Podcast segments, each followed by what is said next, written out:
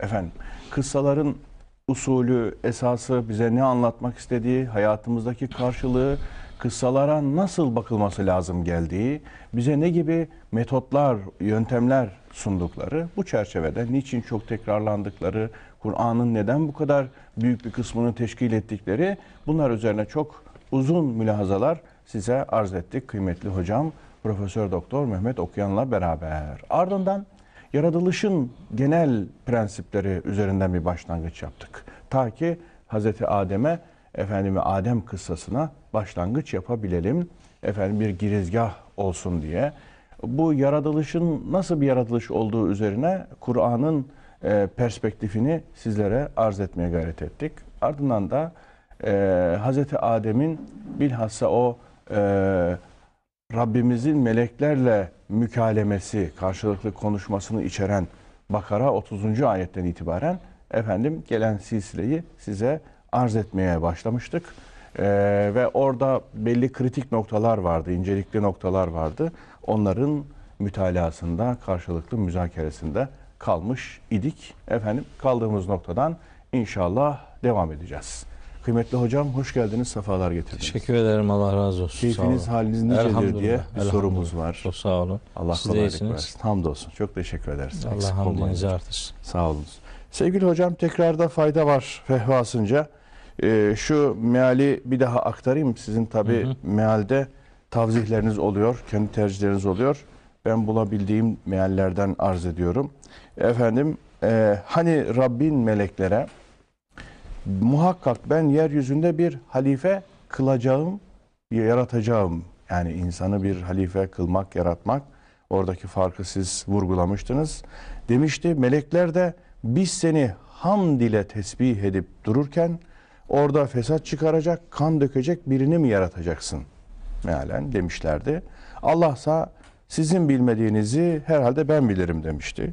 Ondan sonra Hı hı. ilahir devam eden bir süreç var. Evet. Şimdi hocam burada bizim çok da e, zihnimizin e, bağlantılarla sebep sonuç ilişkisiyle düşünen zihnimizin kavrayamadığı bir durum var demiştik. Efendim çünkü biz nesneler aleminde yaşıyoruz ve nesneler aleminde ancak görünenden görünmeyene e, ergi, yani olmayana ergi yöntemi filan gibi yöntemlerle düşünebiliyoruz. O kadar. Ama burada Rabbimizle melekler arasında bir mükaleme var diye konuşmuştuk. Hı hı. Ondan sonra meleklerin bunun karşısında söyledikleri var. İşte bu söyledikleri ne mahiyettedir? Hani orası tartışma mevzu. Ondan sonra ve orada e, meleklerin e, bir vazifesinden, temel vazifesinden bahsetmiştik. O da e, hamd etmek, tesbih etmek ve sürekli takdis etmek. Ondan sonra biz seni bu vaziyetteyken sen neden böyle bir varlık yaratacaksın demiş diye e, sual midir, işte bu anlama mıdır, anlama çabası mıdır bunları sormuştuk. Orada kalmıştık. Kaldığımız nokta tam da buraydı. Arzu ederseniz oradan yürüyelim. Sizin çünkü arz edecekleriniz var. Ardından da bu hubut meselesine yavaş yavaş bir başlangıç yapalım arzu ediyorum. Uygun İnşallah. görürseniz. Buyurunuz. Evet e, Yusuf Bey ilk dört programı iyi özetlediniz. Yani kıssaların Kur'an-ı Kerim'deki bulunma mantığı üzerinde ilk iki program uzun uzadıya Evet. durduk. Sonra yaratılış, kainatın yaratılışı genelinden insanın yaratılışı özeline gelen bir sunum yapmıştık. İnsanın yaratılışının bir süreç halinde aşama aşama Evet. gerçekleştiğine dair hatta bir elementer aşama bir de biyolojik aşama olduğunu ifade etmiştik. Kur'an-ı Kerim'de onunla ilgili onlarca ayeti kardeşlerimize aktarmaya gayret etmiştik. Oradan Hazreti Adem'in durumuna sözü getirmiştik. İlk insanın ya da ilk insan neslinin yaratılışına dair özellikle eşin yaratılması noktasında e, Nisa suresi 1. ayeti ve Hucurat suresinin 13. ayetini bir de Zümer suresinin 6. ayetini esas alan sunumlar yapmıştık. Pek çok sorunun e, bir metot uygulanarak cevaplanabileceğine Değinmiştik. e, değinmiştik. Ve kardeşlerimizin bize geri dönüşleri itibariyle söyleyelim. Ee, inşallah doğru şeyler söylemişizdir. İnşallah. Doğru anlaşıldı. En azından kendi söylediklerimi, söylemek istediklerimi e, kardeşlerimin çok iyi anladığını e, bana olan geri dönüşlerle müşahede ettim. Bundan ziyadesiyle memnunum. E, vesile olan herkese teşekkür ediyorum. Siz de tabii soruları sorarken önümüzü iyiden iyiye açan bir katkı ortaya koyuyorsunuz. E, böylece bir Kur'ani sunum gerçekleştirmeye gayret ediyoruz. Belki kardeşlerimiz hani bu beşinci programa gelmiş olmamıza rağmen o belki bekledikleri türden bir menkıbevi bir kıssa anlatımı ile henüz karşılaşmadık. Bu kıssalar ne zaman başlayacak? Belki de böyle düşünenler olabilir ama Hz. Adem'i ve onun iblisle olan durumunu anlayabilmek için Adem'in halife olarak görevlendirilmesi ve meleklerin bu işin iç yüzünü kavrama noktasındaki e, sorularını bizim de anlamamız lazım. Onu biz anlamalıyız ki bizim halife oluşumuzun e, mantığı nedir? Ne, ne oluyor? Biz o meselenin neresinde duruyoruz? E, bizim yani buradaki halifelikten kasıt sadece Hazreti Adem'in diyelim peygamber oluşu mudur yoksa insanoğlunun sorumlu bir varlık olarak yaratılması mıdır? İşte ben bu ikincisi e, yanındayım. İnsanoğlunun hani birbiri ardınca yaratılan, birbirinin yerine geçen e, ve insanların topluca halife olmasının hani cinlerden sonra yeryüzünde yaratılmış olmaları bağlamında sorumlu varlıklar olarak kabul edildikleri noktasından hareket ederek meselenin bizi de yakinen ilgilendirdiği e, mesajıyla yüz yüzeyiz. Onun için meleklerin sorusunu iyi anlamamız lazım. E, Allahu Teala'nın onlara verdiği cevabı da iyi anlamak lazım. Geçen programda siz demiştiniz ki hani melekler Allahu Teala'ya gerçi bugün de söylediniz. Biz seni hamd ederek tesbih ediyoruz. Üstelik biz seni takdis de ediyoruz. Ee, yani nedir bu meselenin iç yüzü? Niye kan dökmekte olan, fesatlık yapmakta olan bir varlığı neden sorumlu varlık haline getiriyorsun diye haşa yani Allah'ı sorgulayan değil ama bir yaratılış ve bir görevlendiriliş eyleminin hikmetini anlamaya gayret eden bir soru soruluyor. Ben buradan belki e, yanlış bilinen yahut da eksik bilinen bir noktaya da ufaktan bir temas etme Buyurun. ihtiyacındayım. Buyurun. Hani melekler iradeli mi, iradesiz mi Evet. varlıklardır diye Meşhur. öteden beri Evet. bilinen bir hususiyet var. E, ve genel kanaat meleklerin İradesiz oldu. iradesiz varlıklar olduğu noktasında şekillenmiş. Şahsen ben o kanaatte değilim. E, meleklerin iradesiz değil, meleklerin de iradeli varlıklar olduğunu ama iradelerinin ilahi iradeye birebir bağımlı şekilde Tamamen ram olmuş bir Evet. vaziyette.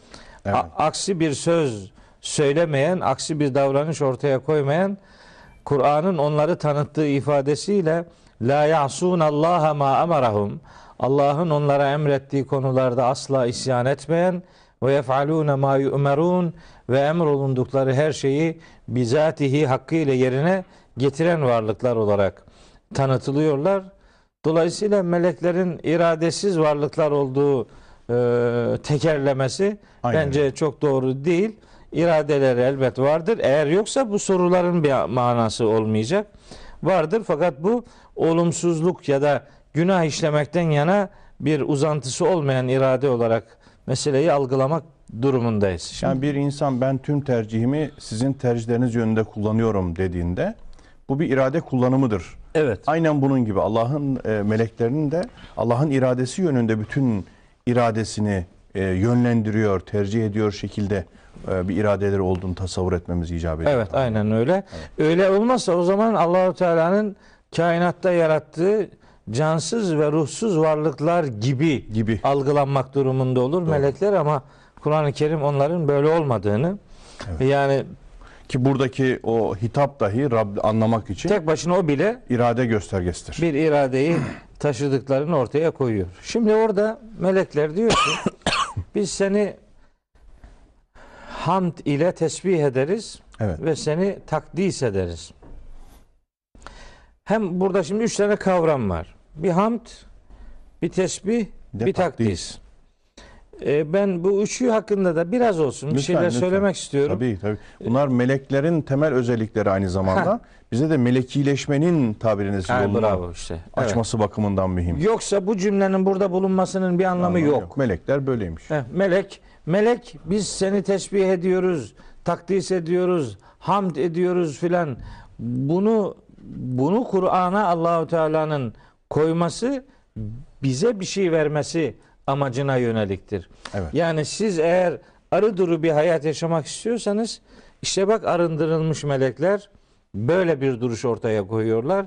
Sizin için hedef ufuk bir e, çizgidir bu. Siz de Allah'ın değer verdiği, kıymet verdiği varlıklar olmak istiyorsanız sizin de hamdiniz olsun, sizin de tesbihiniz olsun, sizin de takdisiniz olsun. Evet.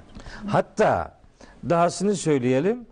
Siz yani bir e, soru cevap ahlakı da öğretildiği kanaatindeyim burada. Yani bir şey sorabilmek için bir şeyleri biliyor ve soru sormaya kendinizi haklı görebilecek bir duruşunuzun olmasını e, olması gerektiğini ifade Bu ediyor. durum aslında bunu telkin ediyor. Evet. Söylüyor. Yani hiç hakkınız olmadan, hiçbir şey yapmadan, görevinize dair bir faaliyetiniz ve bir fedakarlığınız hiç oluşmadan sanki çok şeyler yapmış gibi kahramanca soru sormanın bir alemi yok. Bu soru sormanın adabını da öğretiyor. Bir donanımınız, bir altyapınız olsun Tabii. bir bir duruşunuz olsun, bir hak edişiniz olsun. Bu soruyu sormaya siz kendinizi ehil görün. Öyleyse yapmanız gereken şeyler var. Hele bir onları yapın. Ondan sonra soru sorun. Sonra cevap zaten gelecektir.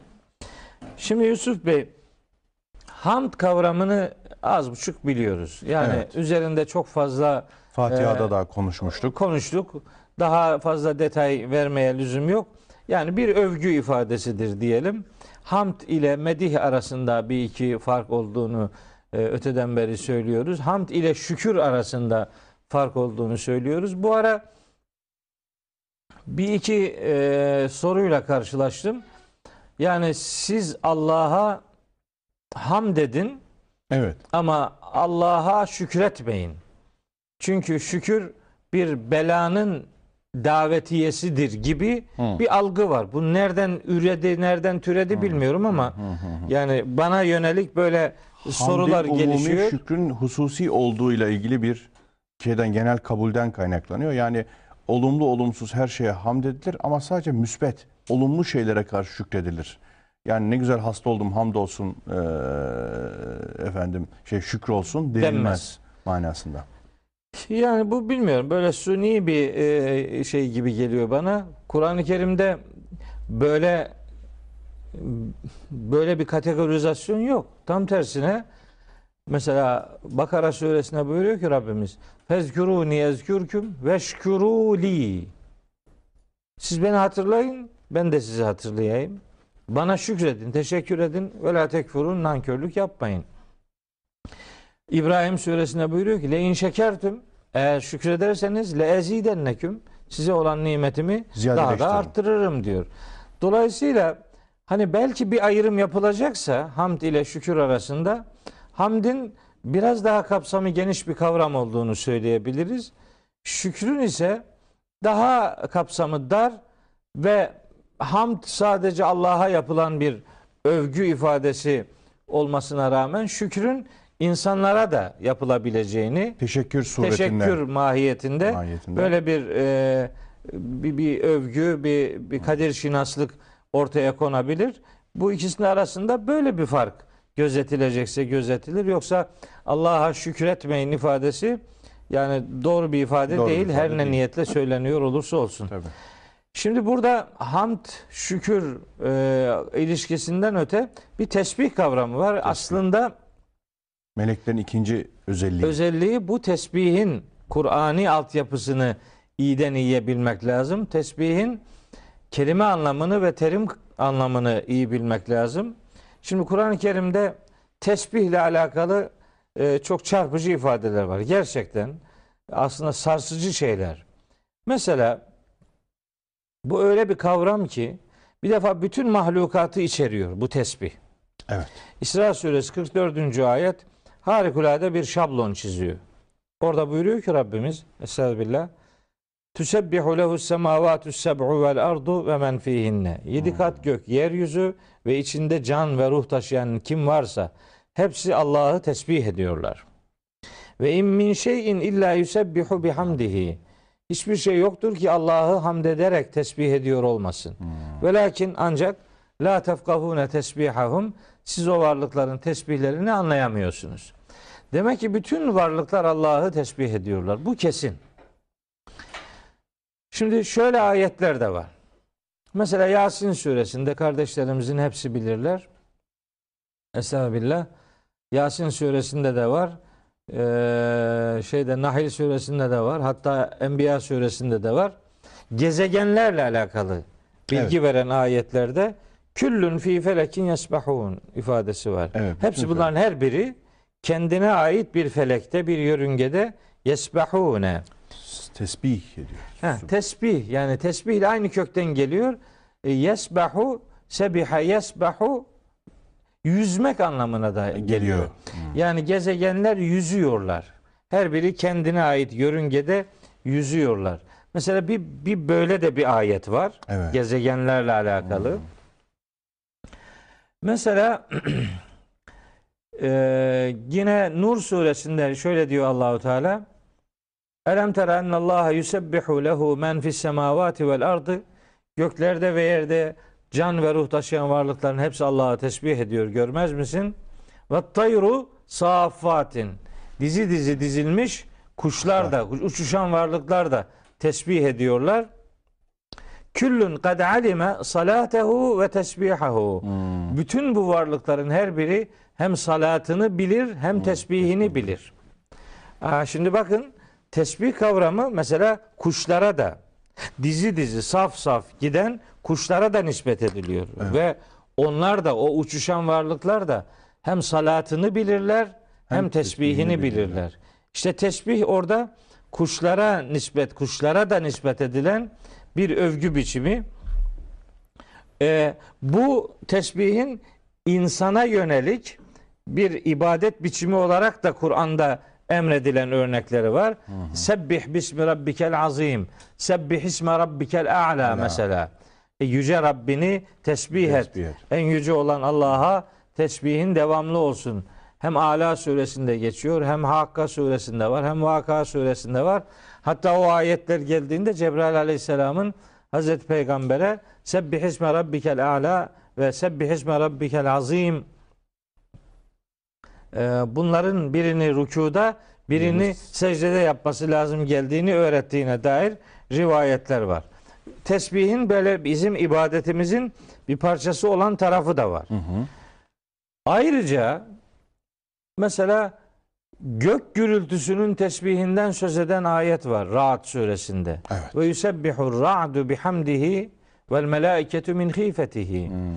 Gök gürültüsü e, Allah'ı tesbih ediyor. Melekler de korkudan tesbih ediyorlar. Hmm. Meleklerin tesbihi Ra'd suresinde de geçiyor sanıyorum.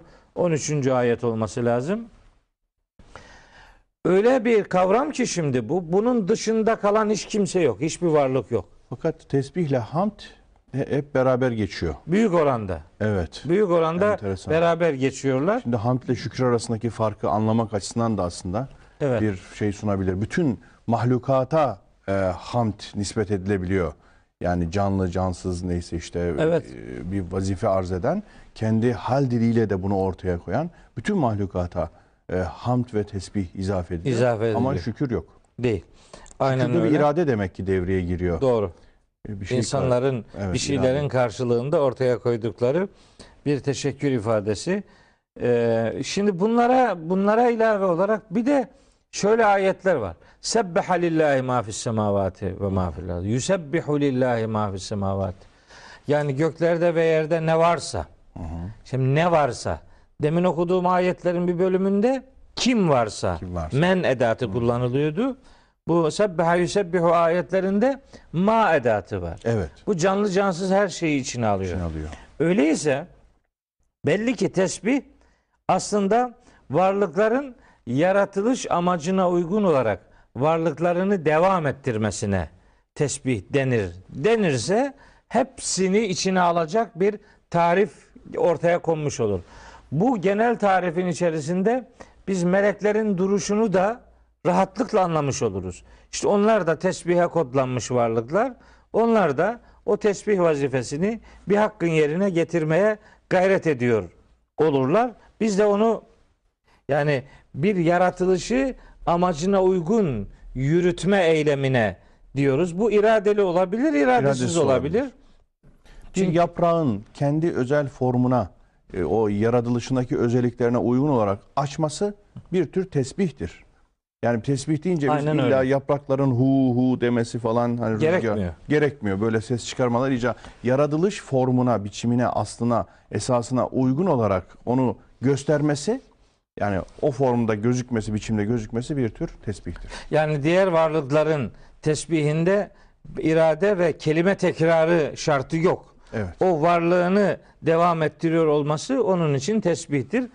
Öyle ki o Ala suresinde en baştaki ayetlerde buyuruyor ki Rabbimiz Sebbih isme rabbikel a'la işte Rabbinin en yüce adını tesbih et. Ellezî halaka fesevva nitekim o yaratan ve şekil verendir. Vellezî kaddara feheda takdir eden ve hidayet edendir. İşte o hidayet yani Ala suresi 3. ayetteki hidayet halk ile hidayet yan yana geliyor. Oradaki hidayet bir yaratığın, bir mahlukun yaratılış amacına uygun olarak programlanmasına hidayet deniyor. Aa. İşte o varlığı o şekilde varlığını devam ettirmesi işte onun tesbihidir. Rüzgarın esmesi rüzgarın tesbihidir.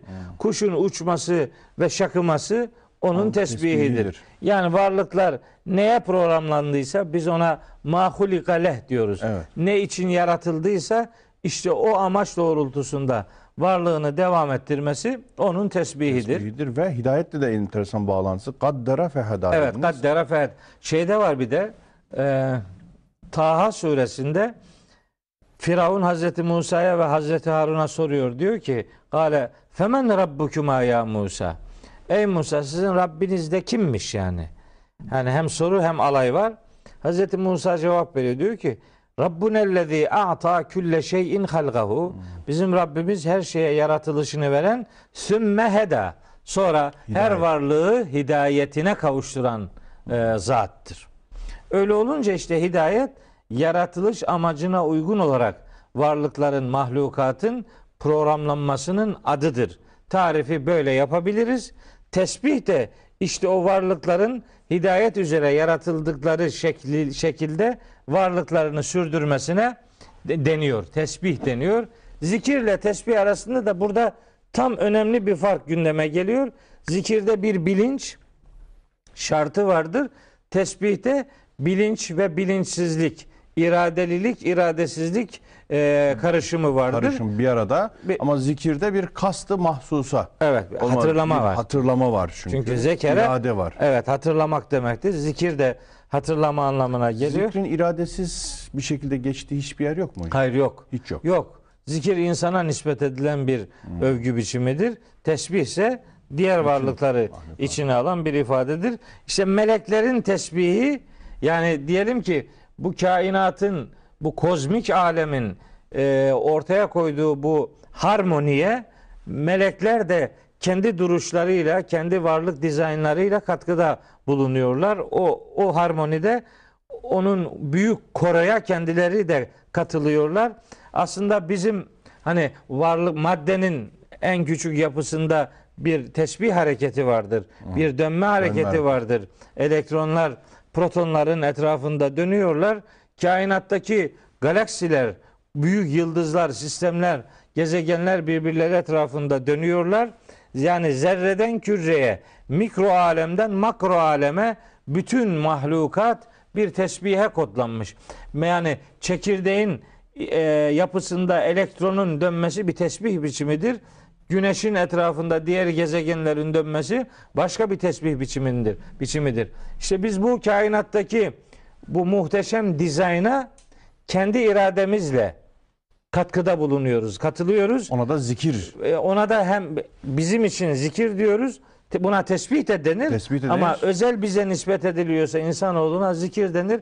İşte hacdaki tavaf da bu büyük koroya katılımdır. Bu büyük koronun karşısında çatlak ses çıkartmamak demektir. Evet. Melekler varlıklarını böyle tesbihle devam ettiriyorlar. Ya Rabbi biz yaratılış amacımızı yerine getiriyoruz. Seni hamd ile tesbih ediyoruz. Takdis ediyoruz da bir cümleyle de onu da söyleyeyim. Evet. Onu Ondan yani sonra ara şey verelim hocam. Evet. Takdis de yani tesbih ile takdis arasında da bir fark var. Tesbih daha çok eksikliklerden uzak tutma anlamını içerir. Allah'a yönelik tesbih.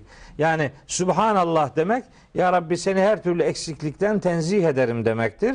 Takdis ise e, Allah'ın bütün kemal sıfatlarının bulunduğunu ilan ve itiraf etmektir. Yani mesela la ilahe illallah diyoruz kelime-i tevhidde.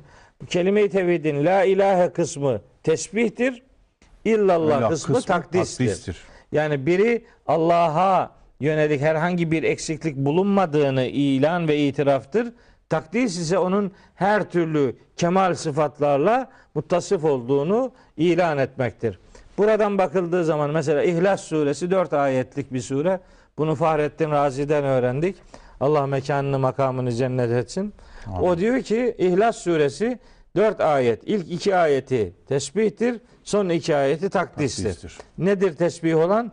Allah, ehadiyet ve samediyet bunlar tesbihtir. Lem yelid Lem ve lem yelid ve lem yulad ve lem yekun lehu küfüven ahad. Doğurtmamış olmak, doğmamış olmak ve denginin bulunmaması da Takdis. e, takdis. Yani birincisi takdis, ikincisi tesbih. ha, evet. Yani Evet. biri e, kemal sıfatları Allah'a nispet etmektir. Takdis öbür iki ayetteki üç husus da tesbihtir. Allah'ı eksikliklerden uzak tutmak anlamına Evet. gelir. Nefi efendim tesbih oluyor. E, ispat takdis, Takdis oluyor. İspat diye baktım pozitif olduğunda Evet. takdis manası verilebilir diyorsunuz. Hocam şöyle bir anlamda e, çıkıyor olabilir mi? Yani siz ey insanlar sizde e, hamdi kuşanırsanız tıpkı melekler gibi meleki bir vaziyet alırsanız, meleki bir duruş sergilerseniz hamdi, tesbihi kuşanırsanız ve takdis üzere hayatınızı kurarsanız ancak o zaman e, fesada karşı durabilirsiniz. Yani sizin mahiyetinizde bulunan iradeli varlıklar olmanızın da icabı olan o fesadın dışa vurumunu ancak böyle e, blok edebilirsiniz, durdurabilirsiniz. Efendim e, engelleyebilirsiniz. Kan dökücülüğün de panzehiri bu üçünde yatıyor. Yani e, meleklerin ağzından bu yaratılacak efendim e, halife kılınacak varlığın iki menfi özelliği zikrediliyor aslında e, olumsuz. Bunların da efendim olumlu hale çevrilebilmesi için bu zehrin panzehirle buluşturulabilmesi için bu üçü meleklerin üç özelliği sanki düşünülebilir mi e, diye aklımdan geçiyor. Yani e, Doğru. E, niye doğru? fesadı önlemenin, kan dökmeyi engellemenin üç ilacı. Şimdi yani bunu melekler kendileri böyle e, düşünüyor e, durlar diyelim. Hı hı. Yani Allahu Teala'ya bu halife görevlendirmesinde iki arızanın aslında mani olması lazım geldiğini söylemek istiyorlar. Hı hı. Kan döken, fesatlık Fesat çıkaran varlık bu bu nasıl halife olacak yani? Bu, bunun sorumluluğu bu nasıl kaldıracak bu sorumluluğu gibi ortaya koyarak kendilerinin aslında belki de ideal varlıklar olduğunu belki de söylemeye getiriyorlar. Çünkü zımnen o. Yani bak fesat dök çıkaracak, kan dökecek derken aslında bak hamd var, tesbih var, takdis var. Bu olması lazım diye bir idealizasyon da var. Evet. Yani olması gerekeni yapıyoruz biz. Dolayısıyla öbür tarafta bayağı arızalar var. Şimdi işin bu tarafından bakıldığında geçen programda söylediğimiz gibi burada halife tayininden söz edildiği yoksa halife yaratılışından söz edilmediği gün gibi ortaya çıkıyor artık.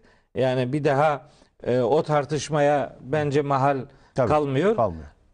Ama Allahu Teala aslında ideal olanın e, meleklerin söylediğinden ibaret olmadığını, sorumlu varlığı günah işleyebilecek şekilde yaratılmış olmasına rağmen bu özelliği törpüleyip ya da bu özelliğin e, işler hale gelmesini değil, tersinin hayata hakim olmasını başarabilecek varlıkların bu varlık dizaynında arzu edilen imtihanın gerçek muhatabı olabileceklerini beyan ederek ayetin sonunu Kale inni a'lemu ma la ta'lemun cümlesiyle bitiriyor. Dedi ki Rabbimiz sizin bilmediklerinizi ben gayet iyi bilirim. Evet. Ha, melekler işte bu kadar biliyorlardı. Yani onların hayat algısı ya da sorumluluk e, algısı buydu. Hamd ederiz, tesbih ederiz, takdis ederiz, tamam. İyi ama günah işleyebilecek durumda olan bir varlık yoksa, şimdi mesela yağmurun günahından söz edilmez. Hayır. Rüzgarın günahından söz edilmez. Yani onlar zaten ona Ağacın günahından bahsedilmez. Yani Tabii kedinin günahı olmaz. Olmaz? Yani mahlukatın iradesiz Müslüman kulların günahından söz edilmez. Oysa hayat başlı başına bir imtihan alanı. Bu imtihan alanında günah işleyebilecek konumda olmasına rağmen günah işlememeyi ya da işlediği bir hatadan özür dileyebilmeyi bir erdem olarak sunuyor. Öyleyse iradeli ve günah işleyebilecek şekilde yaratılmış bir varlığın o günahı geçebilecek, ondan vazgeçebilecek bir duruş ortaya koyabilmesi daha ideal olandır. Belki zımnen meleklerin insanoğluna dair bunlar kan döküyorlar, fesatlık yapıyorlar. Bunlardan yani bizim yaptığımız bu üç kıymetli işi yapabilen çıkmaz anlamındaki belki bir düşünceyi de böylece Allahu Teala cevaplamış oluyor. Yani siz bu türü fesat çıkaran, kan döken varlık olarak her ne kadar algılıyorsanız da bunların içinden de hamdi de, tesbihi de, takdisi de çok daha güzel yapabilecek varlıklar elbet çıkacaktır. Dolayısıyla bunun hakikatını kemaliyle ben biliyorum. Sizin bilmediğiniz şeyler var. Siz benim bilgime bu anlamda sadakat gösterin diye hani görelim, yaratalım, yaşatalım ve bakalım neler yapıyorlar. Böylece siz de e, bu çıkışınızın kendinize göre yani eksik bir çıkış olduğunu anlamış olacaksınız demeye getiriyor ayeti kerimenin böyle Bir- iki taraflı İki taraflı bir e, özelliği varmış gibi gözüküyor. evet Şimdi Hazreti Hasan ve Hüseyin Efendimiz'e atfedilen bir hadise var. Bir ihtiyar e, yanlış abdest alıyor malumunuz. Onlara son derece pedagojik, irşadi bir usul kullanıyorlar. Tabii Kur'an talebeleri olmaları hasebiyle. Diyorlar ki amca biz abdest alıyoruz sen bir kontrol et bakalım. Doğru mu alıyoruz, yanlış mı alıyoruz? Ondan sonra amca diyor ki siz diyor doğru alıyorsunuz ben yanlış alıyormuşum diyor. Heh. Şimdi bunun üzerine Allahü Teala e, kendisiyle Kur'an'da bir irşat kitabı olan Kur'an'da irşadi açıdan yine bakacağım.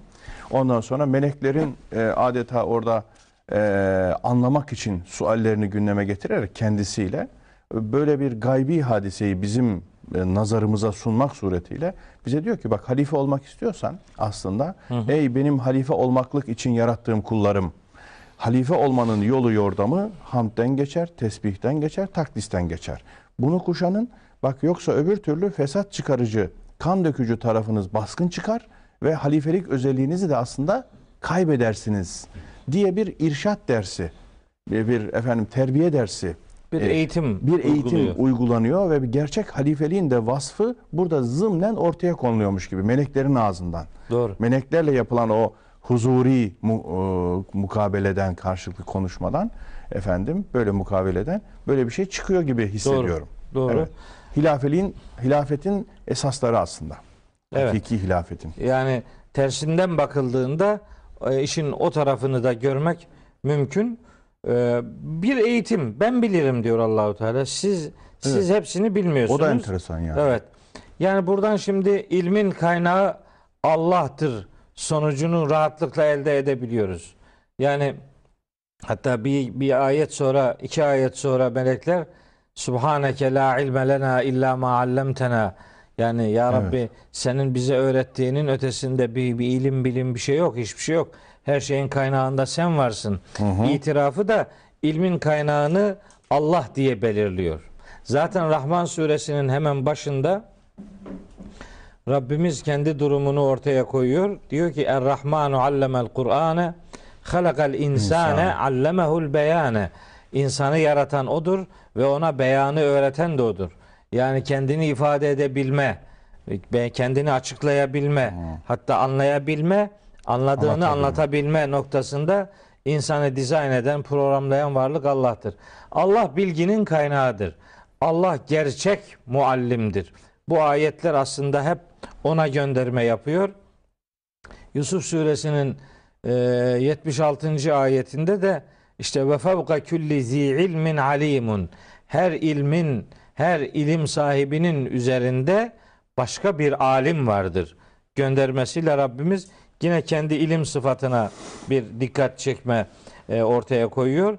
Melekler işte bu kadar biliyorduk ve bildiğimiz kadarını irademizle ortaya koyduk deyince onlar kendilerince ideali kendilerinin yaşadığını e, belki beyan etmek istediler ama Allahu Teala ya e, halife olarak görevlendireceği bu insanın onların dediğinden daha iyi bir duruş ortaya koyabileceğini, hakikatin onların bildiğinden ibaret olmadığını, e, gerçek bilginin sahibinin kendisi olduğunu beyan ederek ben bildirirsem siz bilirsiniz ve ben bildirmediğim sürece sizin bilginiz hakikati tam anlamıyla kuşatamaz mesajı veriliyor. Nitekim hemen peşinden bir imtihan uyguluyor. Alleme Adem'el esma'e küllaha. Adem'e esmayı, bütün bütününü öğretiyor. Alleme Allah öğretiyor. Sümme aradahum alel melaiketi. Sonra onları meleklere sunuyor. O esmayı. Fekale enbiuni bi esmai haulai in kuntum sadikin. Eğer sözünüzde doğruysanız o zaman şunların isimlerini bana haber verin bakalım diyor. Yani 30 32. ayette 31. 32. ayet ikisi beraber buradan anlaşılıyor ki Allahu Teala hani meleklerin özellikle gaybı bilmediğini, gaybı bilemeyeceğini aslında burada ilan ediyor. Neml suresi 65. ayette de çok net bir ifadeyle Kul la ya'lemu men fis semavati vel ardı el gaybe illallahu. Göklerde ve yerde can ve ruh taşıyan hiçbir varlık gaybı bilemez Allah'tan başka. Allah gaybı bilendir, başkası gaybı bilemez. Buradan hareketle Rabbimiz ilim sıfatının ona ait alim oluşu, alim oluşu sıfatının yani meleklerin bildiği türden belli sınırları olmayan sınırsız bir bilgiye e, sahip olduğunu beyan buyuruyor. O meyanda Kur'an-ı Kerim'de Rabbimiz hem fiil olarak alimeyi hem ya'lemuyu hem isim olarak alim kelimesini hem onun bir derece ilerisi manasına gelen alim kelimesini hem de bunların hepsinden daha öte daha ileri düzeyde bir bilgiyi ifade eden allam kelimesini kendisine nispet ediyor. İnneke ente allamul uyub. Uyub. Gayıpları en iyi bilen. Yani allam tıpkı hallak sıfatı gibi. Halik sıfatı Mübalağa sigasıyla gibi. Evet. Şimdi halik sıfatı yaratıcı demektir. Hallak sıfatı ise Sürekli. Hep. birden çok yaratıcı çok. yani ya bir, bir çeşit yaratım bir çeşit yaratıcıya halik deniyor. Tabii. Hallak birden çok yaratıcı sıfatını üzerinde bulundurmak demektir. Yani anneden babadan insanı yaratmak halikiyettir. Ama baba yok, anne var, insanı yaratmak hallakiyettir. Yani vardan var etmek halikiyettir. Yoktan var etmek o da halikiyettir. Varı yoka götürmek o da halikiyettir. Zıtlardan zıtları yaratmak o da bir halikiyettir. Ama hepsine birden baktığınız zaman ortaya hallak sıfatı çıkar. Halikiyetin hani bir defa değil de sürekliliği, temadiyle. O da var yani isim O da kalıbında- Dahildir İsim, isim kalıbında gelmesi, başına elif lam takısının gelmesi orada bir devamlılık meydana getirir. Söylemek istediğim yaratmada çeşitliliğin sahibi Allah'tır. Eyvallah. Halik ve hallak sıfatlarında. Alim alim ve allam sıfatlarında da aynı şey vardır. Yani allamul guyubdur Allahu Teala. Gaybları en iyi o bilir. Başka varlıkların da ilim sıfatı vardır. İnsanoğlunun da vardır.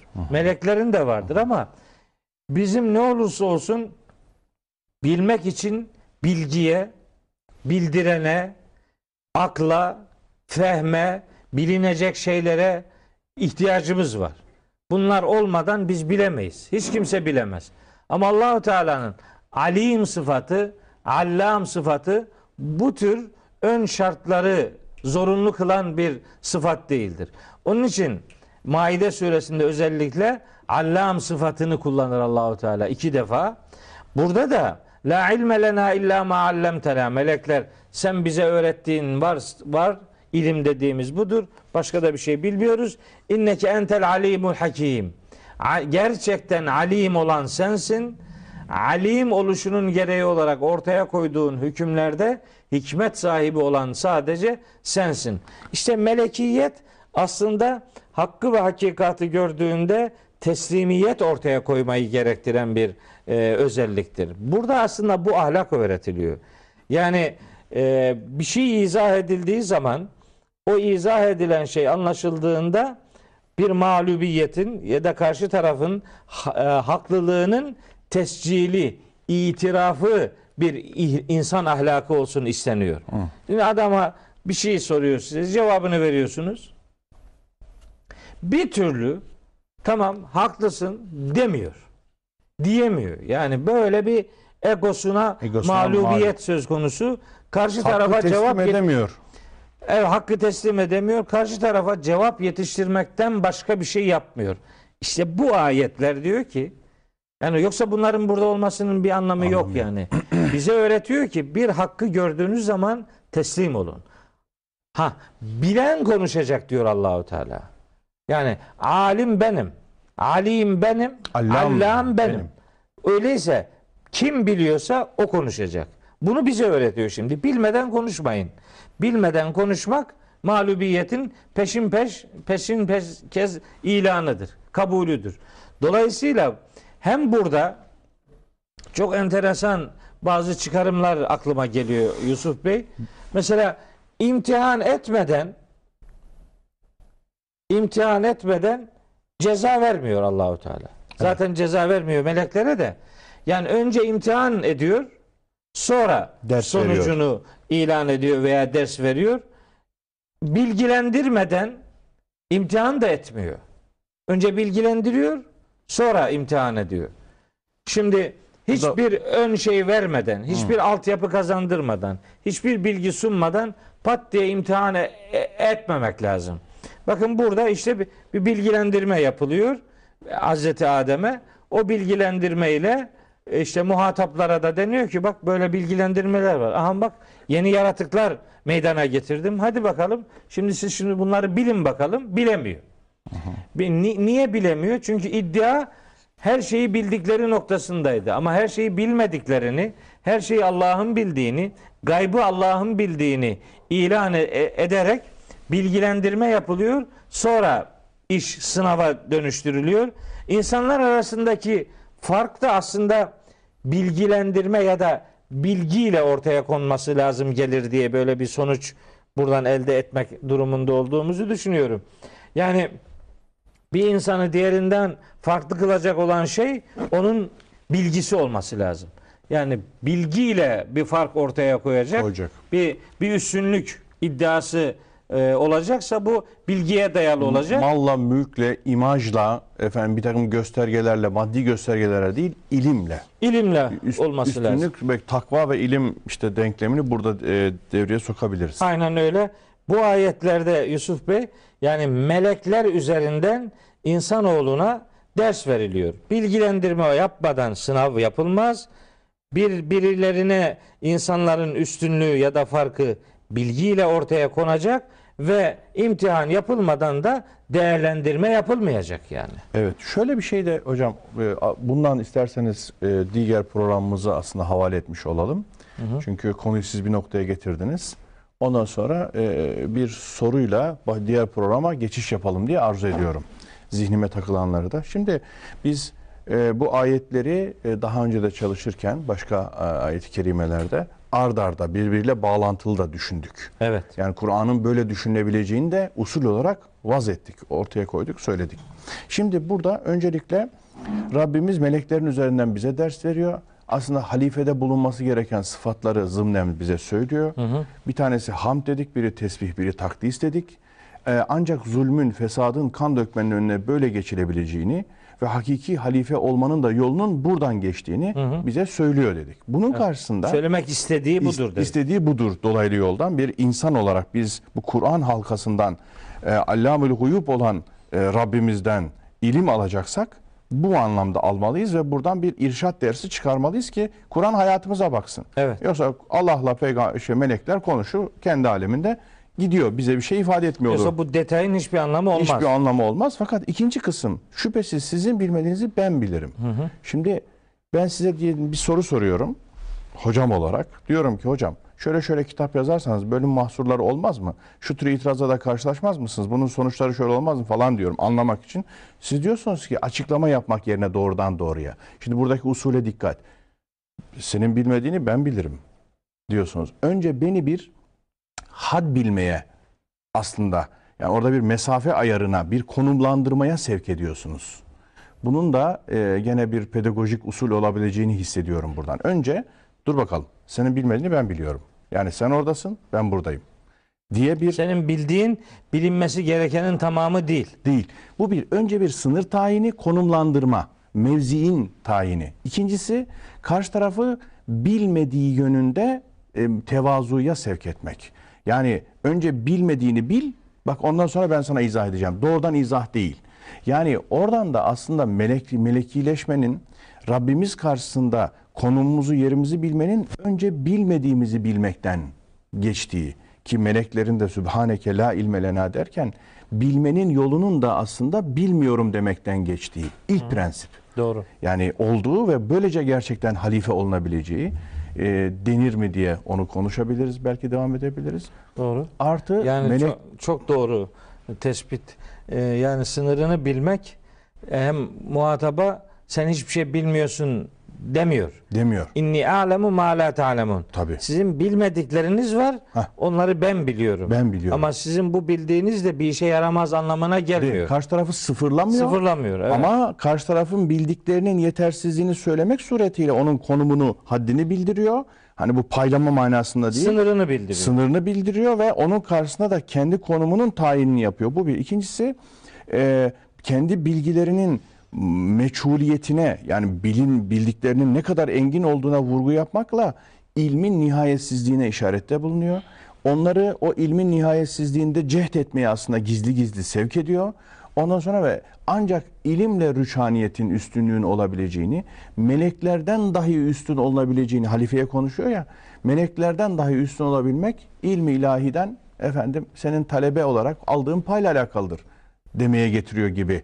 Yani ilim meleklere rüçhaniyet ancak ilimle olur diye bir sonuç çıkarmak istiyorum burada. Evet yani ben tabi meleklere ben o sonucu insanların birbirlerine ruchaniyeti Evet, olarak eyvallah. Tabii. algılıyorum. Aynen öyle. Yani Yoksa ayrı kategoriler. Ha, Elma ile armut yani mukayese, anlamında Tabii. değil ve doğru sonuçlar bunlar. Tabii. Yani biri diğerinden farklı ve üstün olacaksa bu Tabii. bilgiye dayalı olacak. Evet. Hani orada şu sonucu çıkartıyorlar Yusuf Bey. Hani iyi bir katkı oldu benim için de. Hani melek mi üstündür, insan mı üstündür falan böyle tartışmalar yapılıyor. Tabii. Bunun çok lüzumsuz olduğuna inanıyorum. Buradan hareketle sadece buradan hareketle insanların meleklerden üstün olduğunu söylemek bence hakikati karşılamıyor. Burada Hazreti Adem'in kendisinin bir mahareti yok. Evet. Burada bildiren varlık Allahu Teala. Tabii. Dolayısıyla burada üstünlüğün sahibi ben bilirim. Sizin bildiğiniz bilginin tamamı değildir. İşte bu ifadenin sahibi olan Allahu Teala'dır. Asıl bilginin sahibi olan ve üstün olan odur. Dolayısıyla bize de birbiri aranızda bir farklılık, bir üstünlük ortaya koyacaksanız bunun merkezi değeri ilim olsun, bilgi olsun. Bu ahlakı öğretiyor diyebiliriz. diyebiliriz. Evet hocam kaldığımız noktadan inşallah diğer programımıza devam edeceğiz. Ee, Bugünlük bu kadarlıkla iktifa ediyoruz. Ben size çok teşekkür ediyorum. Ben teşekkür Eksik ederim. olmayın. Sağ olun.